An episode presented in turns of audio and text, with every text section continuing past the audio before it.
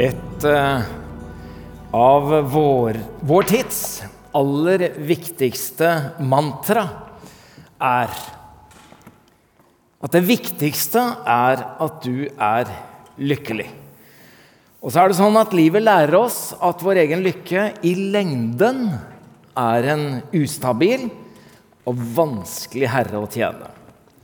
Så Gud tilbyr oss en eh, større mening med livet, som både vil gi lykke, men som også gir en dyp opplevelse av mening. Det er tilfredsstillelsen av å kunne bruke evnene våre, talentene og ressursene vi har, fullt ut. Kristen tro sier at vi er sendt her i livet. Jesus sa, 'Som Far har sendt meg, sender jeg dere'. Og Dette er altså Guds nesten ja, tilsynelatende umulige plan. Det er at vi, du og jeg, vi skal være hans hender og føtter på jorda. Og Hvordan dette ser ut, har vi tenkt til å prøve å belyse de neste søndagene i denne serien, som vi rett og slett da har kalt Sendt. Og Så ser vi på hva det vil si å være sendt for å bygge samfunn, sendt for å be for mennesker, sendt for å dele tro, og som jeg skal tale om i dag, sendt for å spre godhet. Jeg sa når jeg fikk det oppdraget Jeg har ikke et annet tema til meg, da. Og så sa kona mi i dag Egil, det der kan du tale om. Og jeg hørte et lite Å, det er vakkert. Godhet kan jo veldig fort begrenses til eh, gode følelser, vakre ord. Så i dag har jeg lyst til å fokusere på godhet i handling. I Matteus 5 sier Jesus at vi er verdens lys, og vi er jordens salt. Og så er det uttrykket for dette som da Jesus sier i Matteus 5, vers 16. Slik skal deres lys skinne for menneskene, så de kan se de gode gjerningene dere gjør, og prise deres far i himmelen. Apostelen Paulus følger opp tanken i brevet til Efesus, og så sier han 'lev da som lysets barn'. Og så sier han 'lysets frukt er all godhet, rettferd og sannhet'. De som forsker på sånt, de har funnet ut at det fins to former for lykke. Det stimulerer to ulike deler av hjernen. og Den ene delen er det som kalles for nytelykke, tilfredshetslykke. Eh, og den andre delen det er det som kalles for ytelykke eller engasjementslykke. Erfaringen vår er at begge deler er viktig i livet. Det vi også erfarer, er at nytelykken, tilfredshetslykken, den er ganske ustabil, kommer og går, ofte i kortere øyeblikk. Mens ytelykken, det sier forskerne, det er den mest stabile, også mest slitesterke og langvarige. Og Når vi snakker i dag om gode gjerninger, så er det også en del av livets lykke å kunne gi, å kunne gjøre og kjenne at det er stabilt, det er langvarig med ytelykke. Så har jeg ikke bare lest Bibelen, også gått inn på Helse Norge. Det skal man jo stole på. Og på Helse Norge så står det altså noe om fem råd for økt livskvalitet og sterkere psykisk helse. Selvfølgelig vet vi at vi kan gjøre noe for å forbedre og forsterke vår fysiske helse, og på samme måte så kan vi gjøre noe for å forbedre og forsterke vår psykiske helse. Og Så kommer da Helse Norge med fem gode råd til hvordan vi kan gjøre det på det psykiske planet. Og da sier Helse Norge gi til andre. Å gi handler om å gjøre noe for andre, og det gir økt livskvalitet. Og så tenker man da må det være noe veldig svært. Men så begynner de med dette tipset. Smil til en du ikke kjenner. Og Det er jo stilig, for da kan jeg begynne allerede i kveld. Ja, her er det noen jeg ikke kjenner. Så i dag bestemmer jeg meg for jeg skal smile til noen jeg ikke kjenner. Ellers er det jo veldig fort gjort å gå ut fra et sånn gudstjeneste som dette og si 'ingen hilste på meg'. Nei, men hvis du smiler til noen du ikke kjenner, så er sjansene enda større. Hjelp noen med noe praktisk. Gjør noen en tjeneste uten at de har bedt om det, bidra i frivillig arbeid. Det er rådene fra Helse Norge. Men det er jo ikke akkurat det jeg hadde tenkt å bruke som kilde. Jeg tenkte å gå inn i kilden til all godhet, og det er Guds godhet. Jeg hørte et halleluja der. Altså, Det er jo utrolig mange gudsbilder, og jeg vet ikke Hvis du skal beskrive Gud, hvilke kjennetegn du vil bruke når du sier 'sånn er Gud', 'sånn er Gud', sånn som jeg har lært han å kjenne. Men i Bibelen så er det dette som kommer igjen ofte og ofte og ofte. Det er at Gud er god. Vi ser det i Salme 23, hvor eh, David skriver hyrdesalmen og sier 'bare godhet og miskunn skal følge meg alle mine dager'. Han henter det opp igjen i Salme 27, men jeg vet at jeg skal se Herrens godhet i de levendes land. Og i Salme 52. Du mektige, hvorfor skryter du av det onde? Guds godhet varer dagen lang. Og dette er ei uke å sitte og forberede en tale midt i krig, midt i brutal ondskap. For jeg har kjent liksom den der indre greia. Er det mulig på en søndag som dette å snakke om Guds godhet og snakke om vår godhet? I lys av all den ondskapen, maktsyken, som vi ser demonstrert foran øynene våre time for time. Og så har jeg innimellom latt meg også berøre av denne grenseløse godhet dette at folk tenker 'jeg må ta imot, jeg må gi, jeg må, jeg må, stille opp' på en eller annen måte. Og så ser vi denne kontrasten mellom denne grenseløse ondskapen, men også den grenseløse godheten. Og nettopp i vår tid og i vår verden og i vårt liv så lever vi i denne kampen mellom det onde og det gode. Guds godhet kommer først og fremst til syne i skaperverket. Og så ser vi at fallet kommer, og hvordan vi har skapt denne jorda etter hvert. Og da vil vi også kunne se tydelig Guds godhet i det vi kaller for frelsesverket. Det betyr at Guds godhet først og fremst er kommet til syne og kommer til uttrykk gjennom Jesus Kristus. At det er Jesus som har gjort denne Guds godhet tilgjengelig for oss. Til alle slags mennesker på alle slags måter. Ikke bare til de som trengte det, men også til de som ikke fortjente det. Og Derfor hadde jeg lyst til å legge inn dette som skal da være gode gjerninger, synlig tydelig, som et slags kroppsspråk. Kirkas kroppsspråk. Vi kommuniserer på to forskjellige måter. Det ene er jo verbal kommunikasjon. Det vi sier og det vi formidler gjennom tale og skrift. Og så har vi nonverbal kommunikasjon, som egentlig da handler om kroppsspråk. Og av og til så er det en slags dissonans mellom det som sies med munnen, og det som vises med kropp. Og det er ganske gøy å legge merke til eh, når du ser det. Jeg kjenner noen som har et så utrolig tydelig kroppsspråk at jeg sier Kan du ikke like så godt bare si det, da? For det er litt sånn, ikke sant? Du sier ikke 'Jeg elsker deg'! Nei, du liksom Et eller annet fordi at du ser at kroppsspråk det kan undergrave. Men kroppsspråk kan også underbygge. Og en kirke kan ikke bare ha ord. Vi kan heller ikke bare ha følelser. Vi er nødt til å ha et kroppsspråk som ikke undergraver, men som underbygger det vi tror på, og ikke minst han vi tror på. Jeg har ikke hund, men jeg har en hund i familien. Og jeg skjønner ikke at den ikke snakker mitt språk.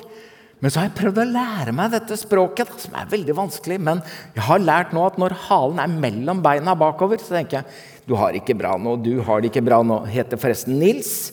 Eh, men når Nils logrer helt vilt med halen, så tenker jeg nå har du det veldig bra, Nils. Og det du prøver å si til meg nå, det er at jeg er den beste i hele familien. Tusen takk skal du ha, ekstra glad i meg. Eh, det fins utrolig mange karikaturtegninger og vrengebilder også av Gud. Hvem er Gud? Og hvem er Gud for deg, og hvem er Gud for meg? Og det kan være vanskelig å oppdage hvis Gud bare er en Gud som du selv har skapt ut ifra egne erfaringer. Men når Gud får kropp, blir Gud synlig, og Gud blir tydelig. Og det er akkurat det som står om Jesus Kristus. Ordet ble menneske, og tok bolig blant oss, og vi så hans herlighet, en herlighet som den enbårne sønn har fra sin far, full av nåde og sannhet. Altså, jeg kunne sagt det sånn at Gud fikk kjøtt og blod og flytta inn i nabolaget. Det ble synlig, og det ble håndpåtagelig. Det er akkurat det Guds godhet ble. Kirka kan kalles mye. Det som går igjen, er å kalle kirka for Kristi kropp. Altså at vi er hans hender og føtter, fysisk til stede i denne verden. At Guds godhet, som er vist oss gjennom Jesus Kristus, gitt, gjort tilgjengelig for alle oss, skal komme andre mennesker til gode, rett og slett ved at vi er hans kropp i denne verden. Og En av de kirkene i Norge som virkelig har jobbet med dette over veldig lang tid. i min kirke i Stavanger. Jeg er der én helg stort sett hvert år. I mange år har jeg gjort det, og jeg lar meg begeistre og berøre. Du vet, Sylvi Listhaug sa i flyktningdebatten i 2015 at hun var skit lei av godhetstyranniet som rir det norske samfunn som en mare. Det tyranniet har ikke jeg oppdaget så godt som Sylvi Listhaug gjorde. Men i motsetning til det så prøver altså Imi-kirka å bygge det de kaller en godhetskultur. At det skal prege oss i hverdagen der vi er, og der vi bor. Og så har Imi-kirka for mange år siden eh, startet det de kaller en godhetsfestival. En uke hvor de mønstrer frivillige for å hjelpe folk praktisk med det de har behov for. Det kan være å male et hus, det kan være å vaske noen biler. Det kan være ting som er mulig å gjøre, men folk har meldt inn behov, og så får folk praktisk hjelp. Og så er det ikke sånn ja, vi har gjort dette en uke, da slipper vi, for da er vi ferdig med det. Men ønsket er at denne uka bare skal booste det som de ønsker skal prege hele året og etter hvert livet. Altså en godhetskultur. Og eh, Egil Elling, Ellingsen, som er en av pastorene der, han har da også skrevet boka 'Godhetseffekten'. Og Som et sånt lite glimt av denne som jeg leste i boka, da, så er en gøyal historie hvor det var to helt tilfeldig fra Imi-kirka som traff på hverandre i kassakøen i butikken. Og han som da er først i kassa, eh, han sier du, eh, jeg kan betale ditt også. Nei, nei, du må jo ikke det. Behøver jo ikke det. Nei, jeg behøver ikke det, men jeg har lyst til det. Og så sier jeg, Slå inn det han har i kurven også. Og Han der som står bak, han blir jo helt sånn forfjamsa over dette, så han snur seg til han som står bak seien og sier ja, ålreit, da får jeg betale for deg, da. Og så er det samme diskusjon som pågår der. Og så sier han ja, men jeg vil det. Og da sier dama i kassa er dere fra Immi kirka, eller? Det syns jeg er deilig. altså. At det rett og slett går an å få et slags rykte i byen. Det er noe godt som skjer her. Er dere fra Immi-kirka, eller? Det ryktet, det ønsker jeg meg for denne kirka. Det ønsker jeg meg for vårt fellesskap. At noen i denne byen skal si Er dere fra Philadelphia-kirka, eller? Ja, hvorfor ikke det? Hva er det som da ligger i dette kroppsspråket? Først og fremst er det et hjerte som banker. Vi blir jo veldig fort, når vi snakker kroppsspråk, kroppsfikserte. Og når vi er kroppsfikserte, så er vi først og fremst opptatt av hvordan vi tar oss ut, hvordan vi ser ut. Det kan også kirka bli. At vi blir veldig opptatt av å være store, sterke, kule og relevante, som det heter. Kanskje ikke noe galt med det, men det er jo ikke kirkas utseende, hvordan vi tar oss ut, og hvordan vi framstår, som er det viktigste. Ikke utseendet, men innholdet. Og den kirka som er preget av en godhetskultur, vil til enhver tid, på ethvert sted, være en relevant kirke. For er det noe denne verden trenger, så er det mennesker som formidler Guds godhet i handling. Det er en hjertesak. Jeg synes Det var veldig gøy å høre om Språkkafeen. For jeg tenker, Der er det sikkert mange språk, men kanskje det i alt er ett språk som er universalt og det er hjertespråk. Det er kjærligheten som gjør seg forståelig bare ved å vise godhet. Nå er det jo sånn at Vi kristne er selvfølgelig ikke bedre enn andre mennesker. Vi har jo til og med erkjent at vi er syndere og trenger Guds nåde. Men gjennom det å bli Guds barn, så har vi tilgang på Guds karakter og Guds vesen ved at vi har fått Den hellige ånd, som ønsker å virke fram dette i våre liv. Det kalles for åndens frukt. Det er kjærlighet, det er glede, det er fred, det er overbærenhet, det er vennlighet, og det er godhet, trofasthet, ydmykhet og selvbeherskelse. Så hvis man har dette som karaktertrekk over tid, altså som verdier i hjertet, preget av Guds vesen, så kan det jo noen hende at noen ikke bare sier 'Er du fra Immi kirka', eller?' Kanskje de til og med sier 'Du, er du en kristen, eller?' At det rett og slett det som kommer til uttrykk, ligner på Gud, sånn som vi har lært han å kjenne gjennom Jesus Kristus. Hjertet som banker, det er jo som beskrivelsen av en eh, person. Da beskriver vi jo gjerne hjertet. Han er halvhjerta, hun er helhjerta. Han er varmhjerta, hun er kaldhjerta. Det er et godt hjerte, hun har et stort hjerte, et brennende hjerte. Og Jesus snakker jo veldig ofte om fariseernes harde hjerter. Så både som kirke kollektivt, men også for oss enkeltvis, så er det bevar ditt hjerte framfor alt du bevarer, for livet går ut fra det. Vi må våge å spørre oss spørsmålet om det bare er mangel på penger eller mangel på tid. Eller om det er mangel på noe i hjertet som gjør at det ikke gir seg større utslag i det daglige gjennom deg og meg. Det hender at jeg reiser litt rundt omkring og preker, og nå var jeg da i Flekkefjord. Skulle preke på fellesmøter i kirka i Flekkefjord. Og Da er jeg litt sånn nysgjerrig på hva skjer i de ulike kirkene det stedet, på det stedet jeg er.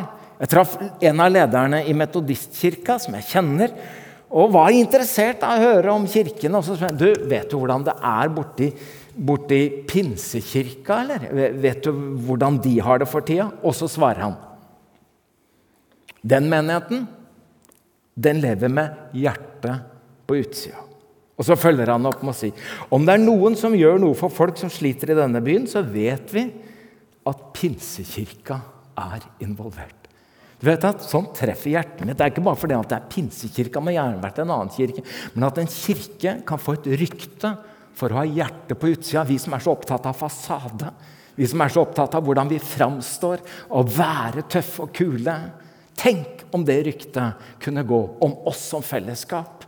De ja, det er Philadelphia-kirka. De har hjertet på utsida. Det er jo det som har ligget under når vi for eh, 25 år siden sa det at det er seks hensikter som skal prege denne kirka. Og de hensiktene henter vi opp hele tiden. Og En av de seks hensiktene det er tjeneste. Og Det er selvfølgelig tjeneste i kirka, ulike tjenestegaver her. Men det er også tjenester ut ifra denne kirka. Og ikke bare tjenester som vi kollektivt gjør ut fra denne kirka, men også at tjeneste preger oss som kirke på studiestedet, i nabolaget, i familien der vi er. At vi ønsker at det skal være en av de hensiktene med mitt liv at jeg står til tjeneste. Amen. For alle har noe å bidra med, og det handler om å formidle Guds kjærlighet i handling.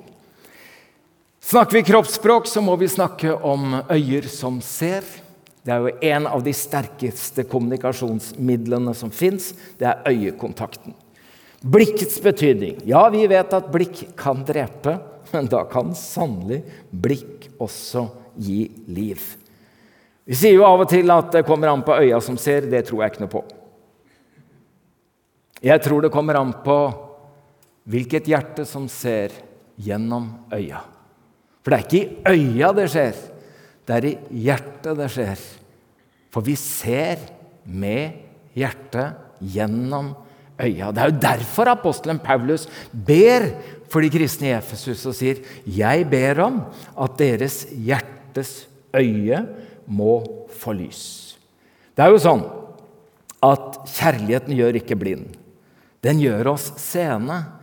Og når Jesus lever her, så ser vi mennesker på en annen måte fordi Jesus ser dem på en annen måte. Vi møter de som er blitt uglesett, vi møter de som de blir sett ned på, vi ser de som blir oversett. Og hvorfor ser vi de? Jo, det er fordi Jesus ser de. Hvis du tenker deg hvordan barn hadde det på Jesu tid, hvilken status de hadde i samfunnet, så kan du tenke kvinnene, så kan du tenke samaritanerne. Og så tenker vi Jesus, jeg ser folk på en annen måte når jeg ser de sammen med deg. Og det er nettopp det som er hensikten med en kirke som har hjerte som banker, også skal ha øye som ser. Og det står om Jesus. Da han så folkemengden Ja, det gjorde noe med folk når Jesus så dem. Men det var helt tydelig at det gjorde noe med Jesus også. Da registrerer de som ser at han ser, at han syntes inderlig synd på dem, for de var forkomne og hjelpeløse, som sauer uten hyrde. Jeg syns dette bildet er vakkert. Aner ikke hvem han der i dress er. Jeg tror ikke han hadde tenkt å stanse. Nei, jeg får en sånn følelse av barmhjertige samaritan. Det kom en prest. Han så og gikk forbi. Det kom en levitt. Han så, han også, og gikk forbi. Og så kom det en som ikke bare så, men det berørte hjertet. Og så skjer det noe i handling. Akkurat som den barmhjertige samaritan. Da han fikk se ham, fikk han inderlig medfølelse med ham. Og så skjer det noe i møte med denne lamslåtte, eller i denne sammenhengen han som tydeligvis ligger ute. Og da er vi over i hender som berører. For når vi skal lære noe om kroppsspråk, så må vi også lære noe om hendenes og berøringens betydning. Og i vår digitale tidsalder hvor det er så mye skjermer, så kjenner jeg at det er ikke bare det som preger meg altså av det jeg ser, men at jeg ser, kan fort prege meg. At jeg på en måte bare blir en som blir rørt. At jeg bare blir en som blir berørt. Men jeg inntar på en måte mer og mer sånn tilskuerens rolle. Jeg kan sitte og se på nyhetene fra Ukraina, jeg kan se det fra hele verden. Og så blir jeg liksom han som ser. Og han som ser men ikke gjør. Så hender som berører. Jeg traff en sliten kar borte ved Nationaltheatret for noen år siden. Han kjente meg igjen fra TV. Jeg er jo vant til at folk syns det er hyggelig å ta en prat, og av og til så har de jo lyst til å spørre om jeg har noe å gi. Han her han hadde en pose, og så sier han 'Å, denne skal du få'. Og jeg tenkte 'Hva er det jeg får?' Og så blir jeg nysgjerrig, da, så jeg tar opp det som var i denne posen. Og jeg vet ikke hvor han hadde fått denne hjerteputa med hender fra, men da bare så er det mulig? Og så kommer han gjennom denne hjerteputa med hender med en hilsen, og så tenker jeg at han hadde hatt fullt mulighet til å irettesette meg og hatt grunn til det. Men han hadde noe som han gjerne ønsket å formidle, og det var hjerte med hender. Godhet i handling. Du vet, Jesus Kristus han syntes jo ikke bare synd på folk. Spedalske var urene. De måtte jo til og med rope 'spedalsk, spedalsk', sånn at ikke andre ble urene i møte med dem. Og Jesus møter en spedalk, og så står det Jesus syntes inderlig synd på ham, rakte ut hånden og rørte ved ham. Det der, det er sterkt Jesus. Nå blir du uren fordi du har berørt en spedalsk. Men prøv å holde hendene til Jesus unna der.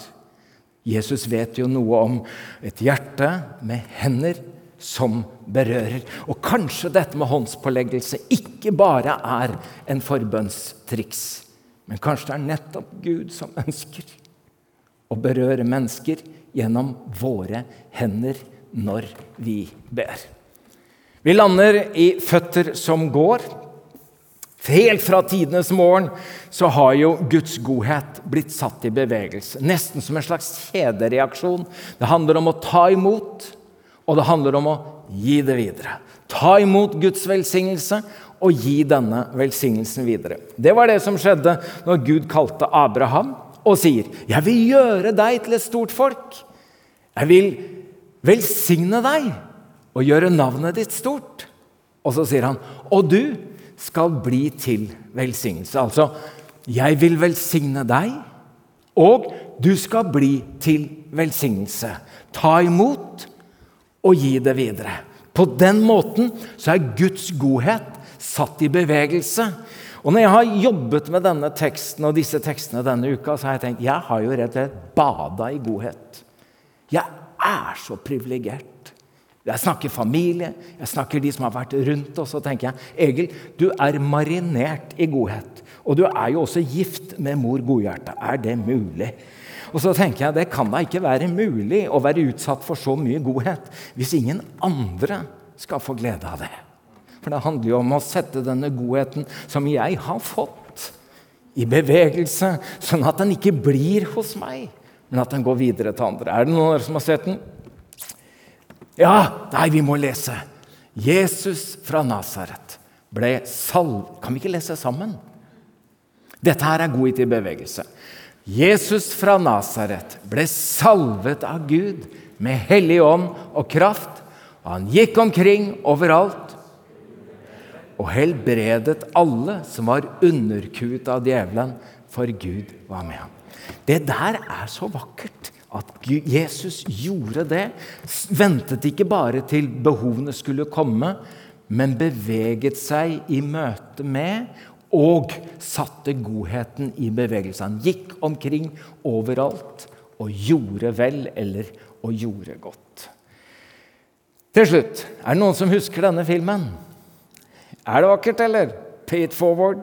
Han var elleve år gammel Trevor i denne filmen. Hvor eh, han går i 7. klasse og får i oppdrag fra samfunnsfagslæreren at klassen hver for seg skal prøve å komme på en idé og lage en plan på hvordan verden kan bli et bedre sted. Og de skal sette den i virksomhet, sette den ut i livet. Trevor kommer på denne ideen. At hvis han gjør en god gjerning for et menneske han ikke kjenner, uten å forvente at de skal gi eller gjøre noe tilbake for han. Men at det de skal betale for den gaven, tjenesten, godheten han formidler, det er at de skal henvende seg til tre andre som de ikke kjenner, og gi denne godheten videre.